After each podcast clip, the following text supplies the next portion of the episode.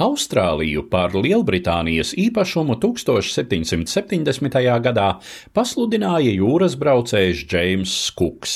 18 gadus vēlāk te ieradās pirmie britu ieceļotāji, no kuriem lielākā daļa bija likumpārkāpēji, kurus dzimtene bija izsūtījusi, lai tie uzsāktu jaunu dzīvi otrā pasaules malā.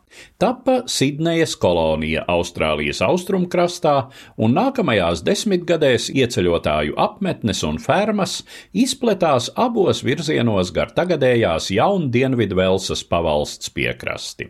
Taču ceļu dziļāk kontinenta iekšienē aizsprostoja apmēram kilometru augsta mežainu kalnu grēda. Zilās dūmakas dēļ, kas bieži vērojama šais kalnos, tie ieguva zilo kalnu nosaukumu. Iezemiešiem bija zināmi ceļi pāri grēdai, Baltajiem ieceļotājiem tos nācās meklēt pašiem. 19. gadsimta sākumā piekrastes teritorijas resursi tālākai kolonijas attīstībai bija izsmelti, un sevišķi situāciju sāsināja 1812. un 1813. gada sausuma izraisītās neražas.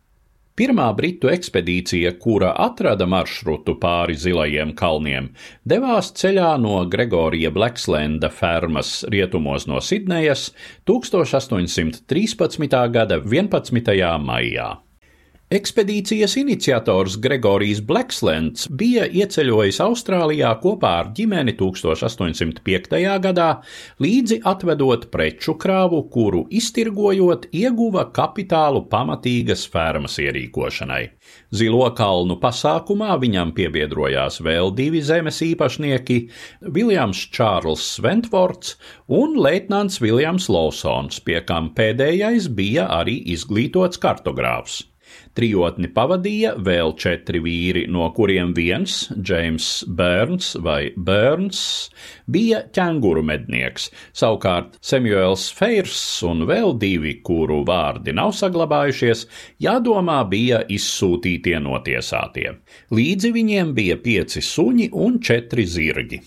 Atšķirībā no dažiem citiem, kuri bija mēģinājuši šķērsot zilos kalnus iepriekš, 1813. gada ekspedīcija virzījās uz priekšu ļoti metodiski, katru dienu cenšoties veikt apmēram vienādu attālumu. Vispirms katru posmu veica daļa no grupas, izpētot un sagatavojot ceļu, pēc tam visi kopā pārcēlās uz nākamo nometnes vietu.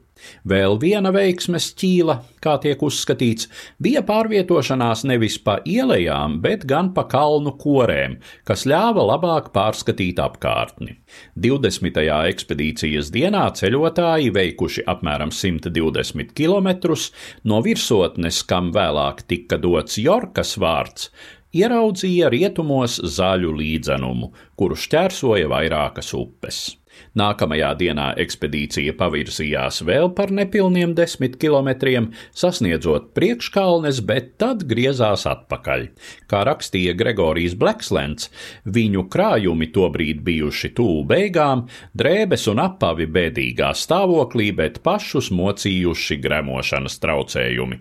Taču galvenais - ekspedīcijas mērķis bija sasniegts. Jau tā paša 1813. gada novembrī pa Blakslenda, Lawsona un Ventvorta maršrutu Zilos kalnus šķērsoja Jaundienvidvelsas kolonijas gubernatora sūtīta ekspedīcija kartogrāfa Džordža Evansa vadībā, sasniedzot vietu, kur vēlāk tappa Beithērsta, pirmā pilsēta Austrālijas kontinenta iekšienē.